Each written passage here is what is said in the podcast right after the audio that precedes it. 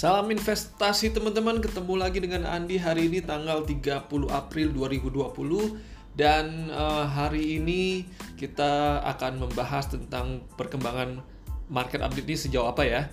Nanti saya akan sharing tentang ISG performance-nya seperti apa dan kurang lebih berita-berita apa yang lagi dibahas di uh, seputar capital market ya.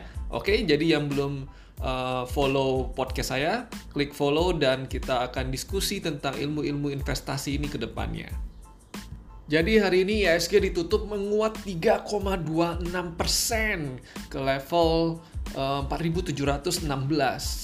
Jadi nilai transaksinya hari ini cukup besar, hampir mencapai 10 triliun dan asing. Aduh, makanya nih saya ini inilah salah satu poin yang saya perhatikan, yaitu asing melakukan net buy sebesar 431 miliar kurang lebih. Jadi ini yang uh, ini yang saya tunggu sebenarnya dari uh, uh, tiga hari ataupun minggu-minggu terakhir ini karena apa? Uh, belakangan ini market kita naik tapi asing masih net sell. Nah itulah salah satu menurut saya uh, fundamental yang belum kuat. Nah, kalau ini hari ini menurut saya kenaikannya cukup signifikan. Uh, kita bisa lihat juga dari uh, apa transaksi yang dilakukan asing pada pasar modal hari ini. Uh, terbukti juga di LQ45 itu naik lebih kencang, yaitu 4,8 persen. Dan mungkin juga uh, teman-teman masih ingat nggak ketika asing masuk, apa yang pertama kali menguat? Yaitu, ya betul, currency-nya. Jadi rupiahnya kita dari 15 15.200-an sekitar 15 300-an sekarang sudah di bawah level 15.000 sudah di angka 14.800 uh, sekitar 800 sampai uh, 850 lah. Ini yang membuat confidence saya untuk market hari ini. Jadi benar-benar bahwa uh, dana yang masuk itu membuat uh, karena yang dana yang asing itu kan pegang US dollar, dia harus jual dulu US dollarnya beli rupiah, rupiahnya menguat, baru dia beli pasar modal yaitu salah satunya saham atau yang ada di ISG dan di LQ45. Kenapa? Itulah salah satu alasannya LQ45 hari ini naiknya kenceng banget. Ya, hampir mendekati uh, hampir 5%. Ya, itu yang terjadi di pasar modal ISG hari ini. Kalau saya lihat beberapa saham yang naiknya lo cukup luar biasa, itu ada BTPS, eh, yaitu BTPN Syariah, perbankan, eh, Bank Mandiri juga naik hampir 11 persenan, dan Bank BNI juga, Bank BCA dan Bank BRI juga naik di atas 5%. Jadi malah ada beberapa saham yang sifatnya contohnya yang sifatnya retail itu mengalami koreksi.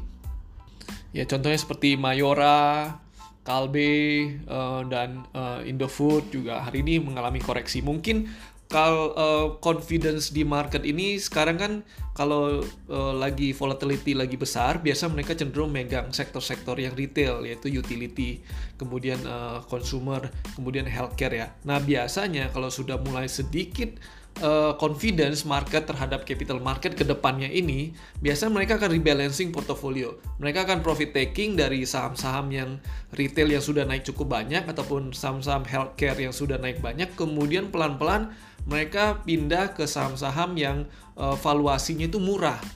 Jadi mereka sekarang sudah memainkan strategi seperti itu. Tapi ke depannya apakah ini berarti uh, kita bisa fully invest? Menurut saya teman-teman ataupun semuanya harus berhati-hati karena menurut saya fundamentalnya ini masih belum belum kuat, belum firm banget. Contohnya apa? Kalau menurut saya ada tiga hal krisis yang kita hadapi sekarang yaitu krisis uh, kesehatan. Karena kenapa? Krisis kesehatan ini COVID-19 ini efeknya ini bisa panjang dan pendek tergantung dari pemerintah masing-masing pemerintah. Yang menerapkan lockdown dia harusnya lebih cepat selesai dan dia mengurangi angka kematian. Tapi yang uh, semi lockdown ataupun seperti Indonesia menerapkan uh, social distancing yang berskala besar mungkin ini efeknya akan jadi lebih lama gitu. Karena uh, ada beberapa faktor. Jadi uh, krisis kesehatan ini cuma bisa diselesaikan dengan satu kata yaitu vaksin. Dan sampai sejauh ini belum bisa. Jadi ketika vaksin ini belum ada, jadi masih terdapat kemungkinan-kemungkinan ke depannya untuk uh, gelombang kedua ini untuk siapa yang tahu kan tiba-tiba terjadi COVID-19 gelombang kedua nah yang kemudian merebak kembali setelah lockdownnya itu dikurangi contohnya Amerika Korea dan lain-lain uh, di China mereka udah beraktivitas eh ternyata uh, terjadi lagi gelombang kedua dan belum ada vaksinnya jadi menurut saya krisis yang pertama ini belum selesai nah yang kedua adalah krisis financial ataupun krisis ekonomi yang terjadi akibat dari COVID-19 ataupun yang terjadi akibat krisis kesehatan ini. Nah yang pertamanya aja belum kelar, jadi kita nggak bisa ngukur seberapa dalam impactnya terhadap uh, perekonomian suatu negara. Karena apa? Ya krisis kesehatannya belum selesai.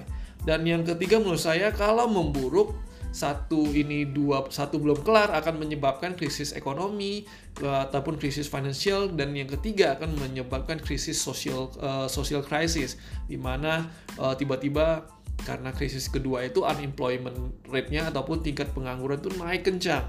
Sehingga apa? Orang uh, ya boro-boro mau makan aja susah. Sekarang mereka nggak akan pikirin yang namanya terkena ataupun tertular COVID-19. Mereka harus menyiapkan makanan untuk keluarga mereka di meja. Nah, di sanalah social uh, crisis akan terjadi dan setelah social crisis mungkin saya merasa akan terjadi pergolakan politik yang terjadi uh, ujung-ujungnya ke arah sana. Semoga nggak sampai ke sana, teman-teman. Dan menurut saya uh, vaksin ini cuma tinggal tunggu waktu, tinggal apakah karena saya kita seperti yang kita tahu juga kita baca juga uh, beberapa perusahaan sedang melakukan uji coba untuk uh, vaksin COVID-19 dan beberapa sudah menunjukkan um, apa kemajuan yang sangat positif ke depannya. Jadi teman-teman uh, jangan uh, terlalu agresif dulu kita tetap harus rebalancing portofolio kita dan diversifikasi aset-asetnya kita. Uh, kalau saya tetap cenderung masih formasi 442 yaitu 40% di saham, 40% di bonds dan 20% di money market. Oke, okay? itu yang bisa saya sampaikan untuk update hari ini dan uh, karena besok sudah bulan Mei, mungkin episode selanjutnya saya akan bahas tentang uh, uh, peribahasa yang sell in May and go away. Oke, okay? jadi teman-teman tetap stay tune uh, di podcast saya dan tetap ikuti diskusi-diskusi kita di depan ini. Oke, okay? bye.